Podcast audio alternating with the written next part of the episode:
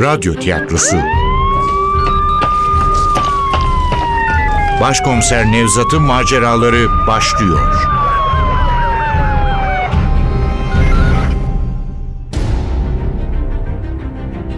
İstanbul Hatırası. Eser Ahmet Ümit. Radyoyu uyarlayan Safiye Kılıç. Seslendirenler Başkomiser Nevzat Nuri Gökaşan Leyla Barkın Nilgün Kasapbaşoğlu Zeynep Dilek Gürel Efektör Ufuk Tangel Ses Teknisyeni Can Erdoğan ve Ergun Göcen Yönetmen Aziz Acar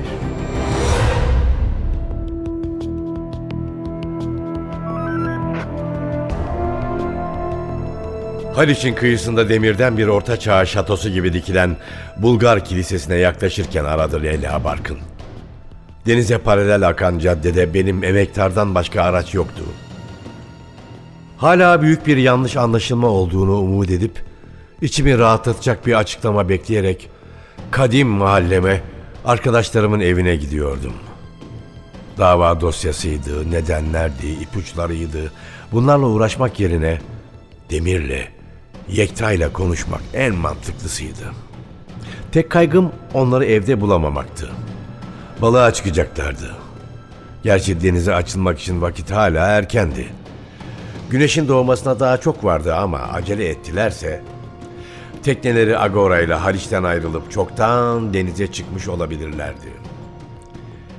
Demir'in yanıt vermeyen ev telefonuyla Yekta'nın kapalı cep telefonu bu ihtimali oldukça güçlendiriyordu. Ama inatla iyimserliğimi korumaya çalışıyordum. Belki de Yekta cep telefonunu yanına almamıştır. Belki de ikisi birden Demir'in bahçesinde oltaları hazırlıyor, yemleri topluyorlardır. Böyle düşünmeme rağmen sahile paralel akan caddeye ulaştığımda bakışlarım dolunayın ışığıyla aydınlanan suları taramaya başlamıştı bile. Ama ne bizim Demir'in agorası ne de başka bir deniz taşıtı görünüyordu Haliç'in ıssız sularının üzerinde. İşte tam da o anda gelmişti Leyla'nın telefonu. Alo Nevzat Bey. Eh, kusura bakmayın geciktim biraz. Ee, önemli değil. Bulabildiniz mi dosyayı? Eh, dosya evde yokmuş. Bilgisayarda bulabildim ancak. Hem de hiç alakası olmayan bir yerde. Ee, e, kurbanların isimleri onları öğrenebildiniz mi? Öğrendim öğrendim. Şimdi dosyada yazdığına göre duvarın çökmesi sonucu inşaat alanında üç işçi ölmüş. Tayyar Bilek adındaki ustabaşıyla Şemsi Yurt'tan Cemal Akışık adlı ameleler. Ee, sadece üç kişi mi? Beş kişinin öldüğünden söz ediliyordu da. Evet e, beş kişi ölmüş ama ö, ö, öteki ikisi işçi değilmiş. Yoldan geçmekte olan bir kadınla oğlu. Bir kadınla oğlu. İşte hiçbir zaman çıkmasını istemeyeceğiniz tahmin. İşte hiçbir zaman duymak istemeyeceğiniz gerçek. İşte zekanızın kazandığı zaferin yüreğinizde açtığı yıkım. Kadının ismi Handan. Handan Sancaklı. Oğlunun ismi de şurada yazıyor. Ha, Umut, Umut Sancaklı. Zavallı daha 9 yaşındaymış. Sarnıç duvarı iki tarafa birden yıkılmış. Oradan geçmekte olan kadınla oğlu da enkaz altında kalarak ölmüşler. Üç yıl önce tam olarak bunları söylemişti Yekta. Bir kaza Nevzat. Korkunç bir kaza. Akla hayale gelmeyecek bir olay. Sarnıç duvarı üzerlerine yıkılmış.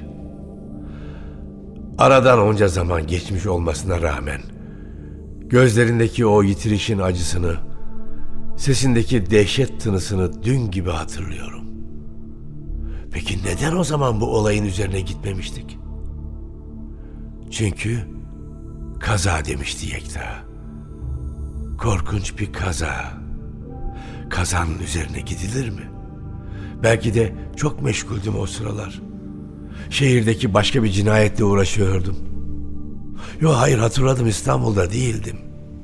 Beşiktaş'ta iki yaşlı kadını öldüren bir seri katilin peşinden İzmir'e gitmiştik. Cenazeye bile katılamamıştım. Günler sonra dönmüştüm İstanbul'a. Belki burada olsaydım. Yekta da bir şey anlatmadı ki. Demek o da hiç kuşkulanmamış. Aklı hayale gelmeyecek bir olay, büyük bir talihsizlik olarak kabul etmiş.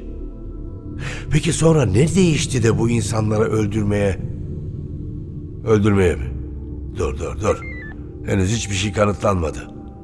Belki de hepsi bir rastlantıdır. Belki de Demir'in haberi bile yoktur. Papağanlarına baktığı Adem Yezda'nın Handan'ın üzerine yıkılan inşaatın sahibi olduğundan. Adem Yezda'nın şirketinde çalışıyormuş bu işçiler. Şimdi de işçilerin ailelerini mi tehdit ediyormuş Adem Yezdan? Konuşmak için erken Leyla Hanım. Araştırmamız sürüyor.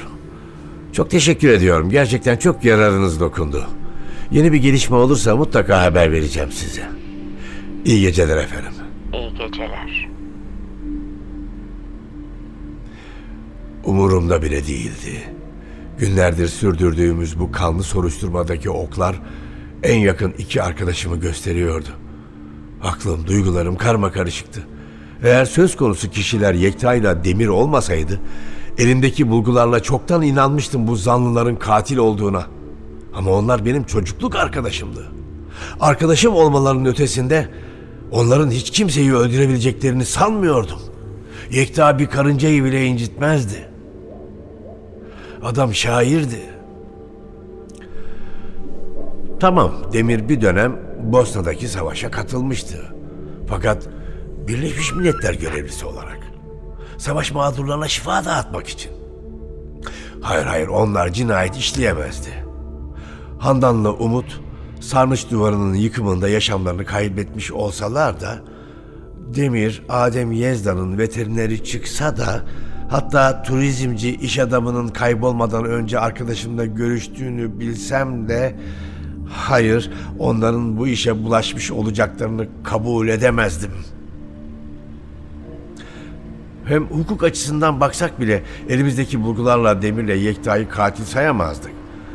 Onları zanlı saymak için çok daha fazlası gerekiyordu. İşte o daha fazlasını bulmak için benim emektarı trafik ışıklarının yanındaki cebe çektim. Işıklarını açık bırakarak indim. Hızlı adımlarla sahile Agora'nın her zaman demirli durduğu kıyıya doğru yürüdüm. Görüş açımı kapatan dört akasya ağacını geçince gümüşten bir nehir gibi beliriverdi Haliç gözlerimin önünde. Suyun karayla buluştuğu yerde usulca kıpırdanan üç teknenin en solunda yer alıyordu Agora. Işık filan yoktu. Haliç gibi ıssızdı tekne. Emin olmak için yaklaştım. Hayır hiç kimse yoktu teknede. Önce sevindim. Demek balığa çıkmamışlardı. Onlarla konuşabilecektim ama birden Agora'nın demirli olmasının başka bir anlama gelebileceğini fark ettim. Ya bana yalan söyledilerse? Ya balığa falan çıkmayacaklarsa? Ya Tatavla'dan erken kalkmalarının nedeni sabahleyin kendi ayaklarıyla tuzağa düşen Adem Yezdan'ı öldürmekse? Tabii meyhaneye gelmeden önce bu işi yapmadılarsa. Demir'in yüzündeki o ifadeyi hatırladım yine. Zor bir ameliyatı başarıyla tamamlamış bir veterinerin yüzü. Ya da son kurbanını kimseye yakalanmadan avucuna düşürmüş bir katilin huzuru. Yani gerçekten öldürmüşler miydi Adem Yezdan'ı? Vakit çok geç be Nevzat diyen Yekta'nın sesi bir kez daha çınladı kulaklarımda. Hayır hayır görüntüleri sildim sesleri uzaklaştırdım hızla geri döndüm koşarak bindim emektarıma. Demir'in Balat Sarayı teknesi Agora gibi ıssızdı.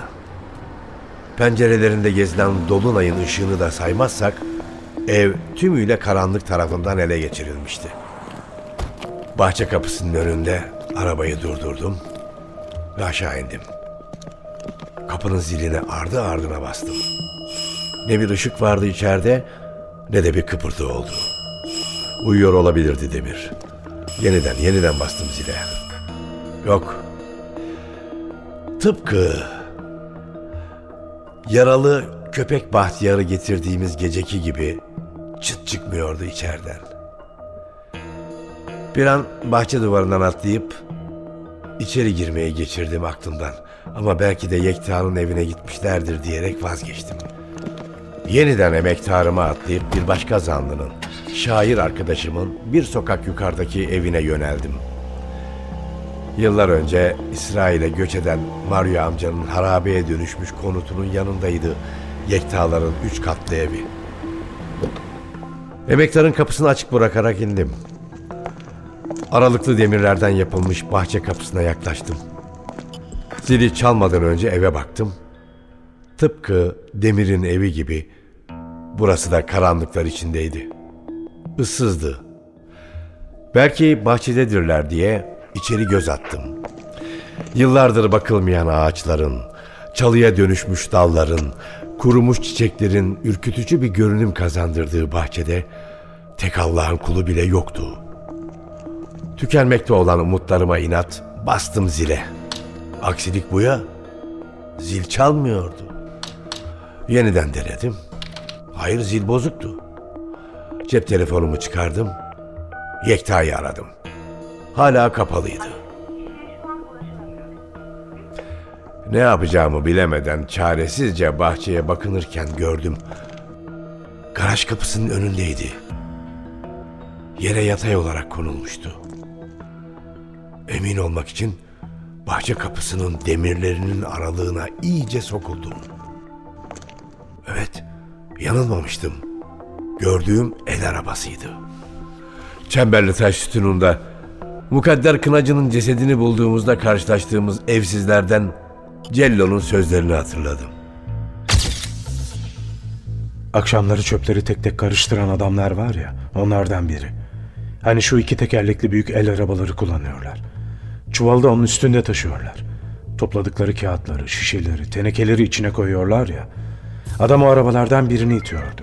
Üstünde de çuval gibi bir şey vardı. İşte el o çuvalın içinden sarkıyordu. Yani cesetleri taşıdıkları el arabası bu muydu? Öncekiler gibi yanıtsız kaldı bu sorunda. Belki yanıt belliydi de ben inanmak istemiyordum. Pencereden yansıyarak kederli halimi izleyen Dolunay'ın solgun ışıkları onayladı son cümlemi. Sen inanmak istemiyorsun. Daha fazla dayanamadım. Bahçe kapısının demirlerini tırmanmaya başladım. Bahçenin toprak zeminine ayağımı bastığımda nefes nefese kalmıştım. Hemen el arabasına yaklaştım. Son derece masum görünüyordu. Üzerinde kan izi var mı yok mu ay ışığında anlamak imkansızdı. El arabasını olduğu yerde bırakıp evin arkasına geçtim. Niyetim avucumun içi gibi bildiğim evin mutfak kapısından içeri girmekti. Ama hırsızlara karşı önlem olsun diye camlı ahşap kapının önüne demir çerçeveli bir korunak daha yapmışlardı. Demir korunağı pervaza bağlayan asma kilit içeri girmemi engelliyordu. Mutfak kapısının karşısında yer alan kiraz ağacının hemen ardındaki odunluğa yöneldim. Ahşap kapı gıcırdayarak açıldı. Işık düğmesine dokundum. Pırpır ederek yandı. Demiri çoktan paslanmaya yüz tutmuş balta, rahmetli Rauf amcanın kendi elleriyle yaptığı ahşap dolabın alt rafındaydı. Baltayı alıp çıktım. Yeniden mutfak kapısına yöneldim. Elimdeki baltayı bütün gücümle demir kapıyı pervaza bağlayan asma kilidin zincirine indirdim. Beşinci vuruşumda çözüldü zincirin iki halkası.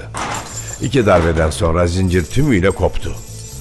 Ama arkadaki ahşap kapı da kilitliydi. Hiç duraksamadan baltanın sapıyla camı kırdım. Elimi içeri sokup kilidin üzerindeki anahtarı çevirdim. Kolayca açıldı kapı.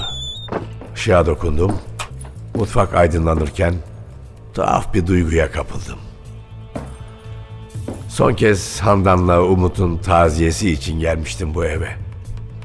Kederli, ağır bir hava vardı içeride.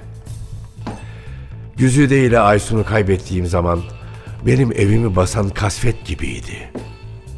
Sadece yaşayanlar değil, sanki evdeki eşyalar da derin bir yasa bürünmüştü. Aynı mahzunluğu şimdi bile hissedebiliyordum. Mutfak dolaplarında, ortadaki ahşap masada, rengi solmuş buzdolabında. Kim bilir ne kadar zamandır kullanılmayan tabaklarda, boş sürahide, nakışlı bardaklarda hep aynı keder. Derin bir iç geçirerek mutfaktan çıktım. geniş koridora girdim. Sol taraftaki kapı salona açılıyordu. Işığı yaktım. Bal renginin baskın olduğu bir halı, tarçın rengi koltuklar, duvarı boydan boya kaplayan bir kitaplık. İşte Yekta'nın alışkın olduğum salonu. Sıra dışı hiçbir şey yok. Kitaplığın altındaki dolapları araştırmaya başladım. Fotoğraf albümleri, düğün resimleri, Umut'un bebekliği, okula gidişi, bisiklete binişi. Daha fazla bakamadım. Kapattım albümü. Başka bir dolap, tabak, çanak, el sürülmemiş içki şişeleri. Muhtemelen Handan'ın aldığı hiç açılmamış peçete paketleri. Hayır, kuşku uyandıracak hiçbir şey yok. Dolapların kapaklarını kapatıp kalktım. Salondan çıktım. Yatak odasına girdim. Etajer, komodin, gardırop. Bırakın cinayetlerle ilgili bir delili, kuşku uyandıracak en küçük bir iz bile göze çarpmıyordu. Çıktım. Umut'un kapısı kapalıydı. Elim kapı kulpuna uzandı ama açamadım. İçeri giremedim. Kızımı kaybettikten sonra günlerce ben de girememiştim odasına. Uzaklaştım Umut'un odasından. Tıpkı benim evimde olduğu gibi ana giriş kapısının açıldığı sofaya yöneldim. Yekta'nın şiirlerini yazdığı küçük odaya bakmak istiyordum. Ama hemen yanındaki garaja açılan koridor kapısının aralık olduğunu fark ettim. Acaba Yekta cipini almış mıydı? Anlamak için aralık kapıdan içeri girdim. Küçük bir koridorun sonundaydı garaj. Kapısına yaklaşınca kötü bir koku çalındı burnuma. Keskin, ekşi, mide bulandıran bir koku. Bozulmuş hayatın ölü organizmaların kokusu. Çok iyi tanıdığım bir koku. Olduğum yerde kala kaldım. Hayır. Artık kendimi kandıramazdım. Bu kan kokusuydu. Kurumuş kanın kokusu. Her olay mahallinde karşılaştığım insanoğlunun canavarlığını yüzümüze çarpan o sert koku bir an önümdeki kapıyı hiç açmamayı düşündüm. Her şeyi olduğu gibi bırakıp gitmeyi ama gidemedim. O garajda neler görebileceğimi tahmin etmeme rağmen o garajda göreceklerimin beni daha derin bir açmaza sürükleyeceğini bilmeme rağmen kapıyı ittim. Karanlığa doğru açıldı kapı. Işığa dokundum. Tıpkı morgdaki gibi soğuk, insanın içini ürperten bembeyaz bir aydınlık kapladı içeriği. Hayır, Yekta'nın cipi yoktu. Ortadaki devasa metal masayı görünce anladım. Yekta'nın cipini buraya koymasına imkan da yoktu. Arkadaşlarım bir haftadır burayı garaj değil, ölüm odası olarak kullanıyorlardı. Bu şehre sunacakları kurbanlarının kanlarını akıttığı bir kesim evi. Yedi insanın gırtlaklarını kestikleri bir mezbaha.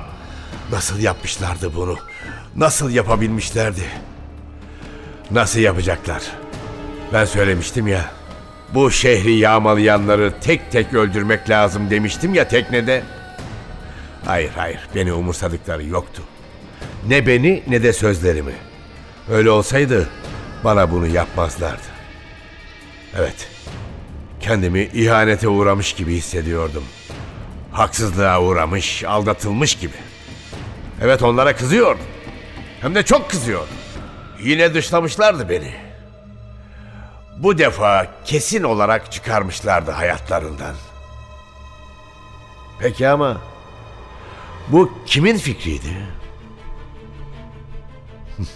kimin olacak? Demir'indir. Demir yapmıştır bu işi. İnsanlardan nefret ediyordu zaten. O kandırmıştır Yekta'yı.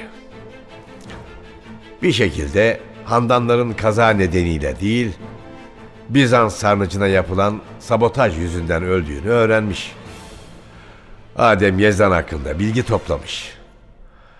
Adamın papağanlara merakı olduğunu anlayınca da yakınlaşıp evine, iş yerine girip çıkmaya başlamıştır. Ya da Adem bulmuştur Demir'i. Hasta papağanlarını ölümden kurtarması için. Bizim akıllı Demir de Handan'ın ölümüyle Adem Yezdan arasındaki ilişkiyi çözmekle gecikmemiş. Sonra da onları Yekta'ya anlatarak görkemli bir intikam için onu da kandırmıştır. Bilmiyorum belki de bambaşka biçimde ceryan etmiştir olaylar ama artık ne önemi var ki?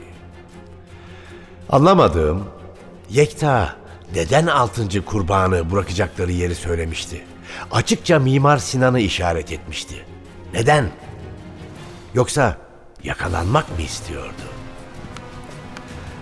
Nevzat bizi durdur diye gizli bir çağrıda mı bulunuyordu bana? Hiç sanmıyorum. Meydan okuyordu. Bak Hakan Yamalı'nın cesedini nereye bırakacağımızı bile söyledik. Hala bizi yakalayamıyorsun. Demek mi istiyordu? Gerçi bu davranış Yekta'dan çok Demir'e yakışırdı. Çünkü benimle yarışan oydu. Peki neden öyle konuşmuştu Yekta? Neden tüyo vermişti? Bilemiyorum.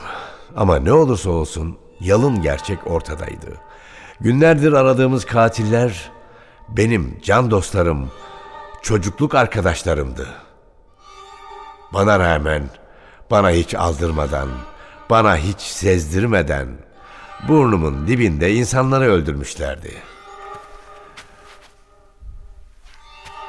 Bakışlarım metal masanın etrafındaki kalın naylonlara takıldı. Kurumuş kan lekelerinden naylonların saydamlığı kaybolmuştu. Kurbanlarının boğazlarını kestiklerinde fışkıran kanların neden olduğu düzensiz koyu renkli çizgilerle kaplıydı yandaki iki duvar. Metal masanın başucunda genişçe bir sehpa vardı. Sehpanın üzerinde boy boy kesim bıçakları. Ama hiçbirinde kan yoktu. Sehpanın alt tarafı cam şişelerle doluydu. Birini aldım baktım, Diprivan yazıyordu. Alt satırlarında Propofol sözcüğü okunuyordu. Zeynep'in sözlerini hatırladım. Kurbanların kötü muamele ya da işkence gördüklerine dair bir kanıt yok. Yine de adli tıpçılardan cesetlerde propofol aramalarını istedim. Demek ki kurbanlarını uyuşturduktan sonra öldürüyorlardı arkadaşlarım. Adamlar öldüklerinin farkına bile varmıyorlardı. Kurbanlarını kaçırırken acaba ne kullanıyorlardı? Alt rafı karıştırınca onun da yanıtını buldum. Kahverengi camdan bir eter şişesi. Yanında biri neredeyse tümüyle kullanılmış iki pamuk torbası. Bizim iri yarı veteriner pençesinde eterli bir pamukla bir kartal gibi çöküyordur kurbanlarının üzerine. Evet, cinayetler zincirinin arka odasındaki ayrıntılar teker teker çıkıyordu ortaya. Ya sikkeler? Etrafa bakındım ne madeni bir para ne de sikkelerin toplu olarak konulabileceği bir kutu görebildim. Ama buralarda bir yerde olmalılardı. Belki Yekta'nın çalışma odasında. Öyle ya. Şairimiz artık sözcüklerle değil, cesetlerle şiir yazmaya başladığına göre malzemelerinin bir kısmını çalışma odasında tutuyor olabilirdi.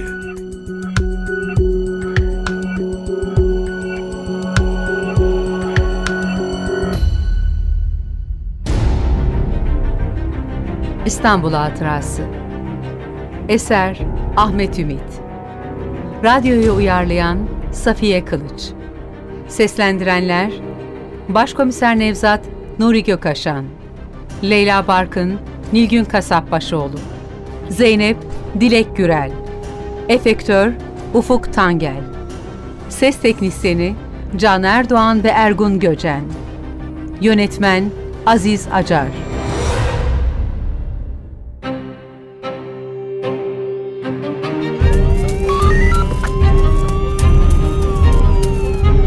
Radyo tiyatrosu. Başkomiser Nevzat'ın maceraları